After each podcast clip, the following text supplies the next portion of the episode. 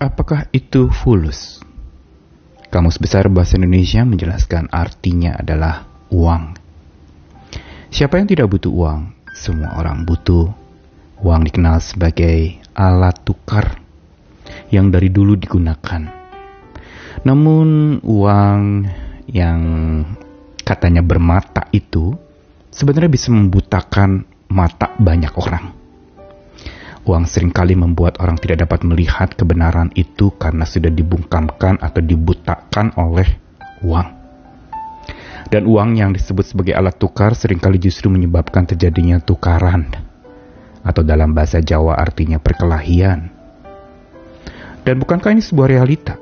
Bahwa sesungguhnya banyak problem pergumulan hidup manusia di dunia ini sampai hari ini adalah masalah uang tidak bisa dipungkiri dan tidak bisa disangkali lagi. Uang sudah menjadi satu hal yang begitu didewakan, disembah begitu rupa. Karenanya Tuhan sudah ingatkan dengan keras sekali atau istilahnya sudah wanti-wanti mengingatkan bahwa kamu tidak dapat mengabdi kepada dua Tuhan. Tidak dapat mengabdi kepada uang sekaligus juga kepada Tuhan. Harus pilih salah satu. Atau jelas sekali kitab suci mengatakan tentang akar dari segala kejahatan adalah cinta uang. Mengapa hal ini sebenarnya sudah dari begitu lama kitab suci menuliskan tentang sisi bahaya dari uang itu. Itu saja orang yang hari ini bergerak di bidang keuangan akan geleng-geleng kepala, mungkin garuk-garuk kepala sambil bertanya-tanya, apa memang uang harus kita salahkan? Bukankah kalau kita menata dengan baik itu akan menjadi sesuatu yang baik? Benar memang pepatah yang mengatakan kalau uang menjadi hamba dia baik, tapi kalau dia jadi tuan dia jahat. Karenanya memang kita perlu berhati-hati. Karena uang sekalipun benda mati, bisa membuat orang mati hati nuraninya. Bisa membuat orang mati imannya. Dan bisa membuat orang mati akan perasaannya. Kita perlu waspada tentang akal bulus fulus. Saya Nikolas Kurniawan menemani lagi dalam Sabda Tuhan hari ini pengkhotbah pasal 5 ayat 9 sampai 14. Siapa mencintai uang tidak akan puas dengan uang dan siapa mencintai kekayaan tidak akan puas dengan penghasilannya. Ini pun sia-sia. Dengan bertambahnya harta bertambah pula orang-orang yang menghabiskannya. Dan apakah keuntungan pemiliknya selain daripada melihatnya? Enak tidurnya orang yang bekerja baik ia makan sedikit maupun banyak tetapi kekenyangan orang kaya sekali-kali tidak membiarkan dia tidur. Ada kemalangan yang menyedihkan kulihat di bawah matahari. Kekayaan yang disimpan oleh pemiliknya menjadi kecelakaannya sendiri. Dan kekayaan itu binasa oleh kemalangan. Sehingga tak ada satu pun padanya untuk anaknya. Sebagaimana ia, manusia keluar dari kandungan ibunya, demikian juga ia akan pergi telanjang seperti ketika ia datang, dan tak diperolehnya dari jeripayanya suatu pun yang dapat dibawa dalam tangannya. Kata-kata keras dari pengkhotbah pasal 5 ini yang kita tahu ditulis, banyak penafsir mengatakan ditulis oleh Raja Salomo, Raja bijak di masa tuanya. Yang tentu saja sudah berpengalaman di dalam kehidupannya dengan kekayaan yang melimpah ruah tapi dia bisa memberikan petuah yang luar biasa mengingatkan orang-orang yang sedang bergulat dengan masalah uang, yang sedang bergumul dengan masalah keuangan, dan yang sedang mengejar-ngejar uang begitu rupa sampai menghancurkan persahabatan dan memecah belah keluarga. Bukankah gara-gara rebutan uang hasil dari warisan orang tua, sanak saudara menjadi bertengkar dan tidak ada akur rukun satu dengan yang lain? Dan benar apa yang sudah dikatakan oleh kitab suci. Siapa yang cinta uang tidak pernah puas dengan uangnya. Dia mau lagi, mau lagi. Ini yang memberitahu kepada kita tentang satu karakteristik uang yang kita perlu waspadai. Inilah salah satu dari akal bulus fulus itu atau uang itu. Uang tidak pernah menyudahi ketidakpuasan, tapi makin menumbuh suburkan ketidakpuasan itu. Dan bukankah apa yang dikatakan di sana bertambahnya harta, bertambah pula orang menghabiskannya. Jadi berapapun hartanya, semakin banyak harta, semakin banyak dihabiskan. tidak berpikir menabung, tidak berpikir untuk menyiapkan investasi hari esok, tidak juga berpikir tentang bagaimana mengelola, menata itu sebagai satu alat di tangan Tuhan, dari tangan Tuhan untuk kita bagi-bagikan kepada umat Tuhan, dan kita berikan di dalam iman kita untuk berbagi satu dengan yang lain.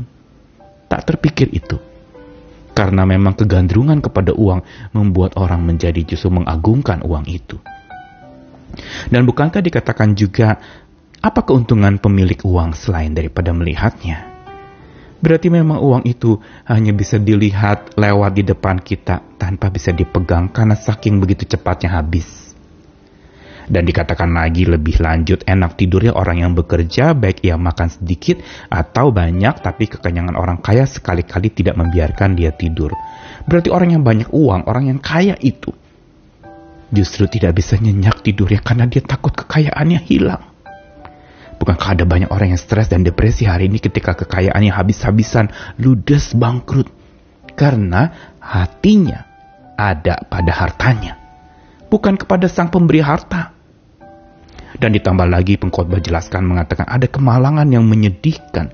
Kekayaan yang disimpan oleh pemiliknya jadi kecelakaannya sendiri, bagaikan bumerang. Apa yang kita dapatkan itu justru menjadi celaka buat diri sendiri menjadi petaka yang menghancurkan diri sendiri. Bila tanpa hikmat kita tidak mengelola dengan baik, maka kita akan kacau di dalam menatanya. Dan bahkan kita akan justru ditata olehnya, kita yang disetir olehnya, kita yang dijadikan hamba olehnya. Dan dikatakan kekayaan itu binasa oleh kemalangan, sehingga tak ada satu pun yang ada padanya untuk anak-anak atau warisan keluarganya dan diingatkan bahwa sebagaimana seorang lahir ke dunia ini dia telanjang dan pergi juga dia telanjang tidak bawa apa-apa dan tidak punya apa-apa ini satu realita yang harusnya membuat kita sadar bahwa uang fulus itu hanya titipan dan jangan sampai itu mempengaruhi masalah puas atau tidak puasnya hidup kita karena ukuran kepuasan kita bila diukur dengan uang tidak pernah akan habis-habisnya karena uang gak pernah menyudahi ketidakpuasan seperti yang tadi saya katakan tapi makin menumbuh suburkan, menumbuh kembangkannya. Dan bukan itu saja, uang itu juga bisa dengan curang, dengan culas. Ia membuai orang. Terbuai oleh betapa banyaknya uang yang dia miliki. Sama seperti orang akhirnya menjadi stres ketika tidak ada uang sepeser pun yang dia pegang. Padahal hidupnya sendiri adalah harta yang begitu berharga di mata Tuhan. Sehingga bukan saja dengan jelas uang membuai orang, tetapi dia membuai orang sampai pulas di dalam kenikmatan yang menyesatkan dan menjerat. Pesan firman Tuhan hari ini mau memberi tanda waspada yang keras sekali kepada orang percaya untuk supaya tidak gandrung kepada uang dan mengagungkan uang. Tidak mencintai uang, jadikan itu sebagai alat, sekali lagi alat. Jangan kita mau diperalat olehnya Jadikan itu sebagai hamba dan jangan kita mau diperhamba olehnya. Jadikan dia sebagai hanya pegangan sementara, tetapi ingat siapa yang memegang kita selamanya yaitu Tuhan kita. Itu melebihi uang seberapa banyak yang kita miliki.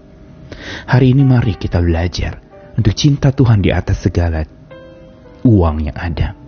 Untuk mencintai sang pemberi berkat di atas segala berkat yang kita idam-idamkan ada dalam hidup kita untuk tetap mencintai Tuhan, Sang Pemenuh kebutuhan hidup kita.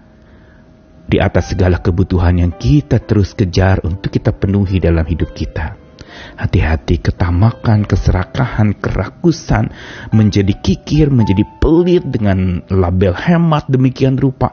Ini semua adalah godaan-godaan di dalam kita mengatur fulus atau uang itu. Hati-hati akal bulus-fulus, minta akal budi dari Tuhan supaya kita tidak dicurangi, tidak diculaskan oleh fulus itu. Hiduplah di dalam berkat Tuhan, cukupkan dengan apa yang ada, tetap bersyukur dengan apa yang Tuhan berikan, semua serba dititipkan, karena itu lakukan dengan tanggung jawab segala pengelolaannya. Tuhan akan menyertai dan Tuhan berikan hikmat, mohonkan hikmat daripadanya supaya kita sungguh-sungguh bisa mengendalikan uang yang Tuhan percayakan dengan baik dan bijak. Tuhan mengasihi kita sekalian. Amin.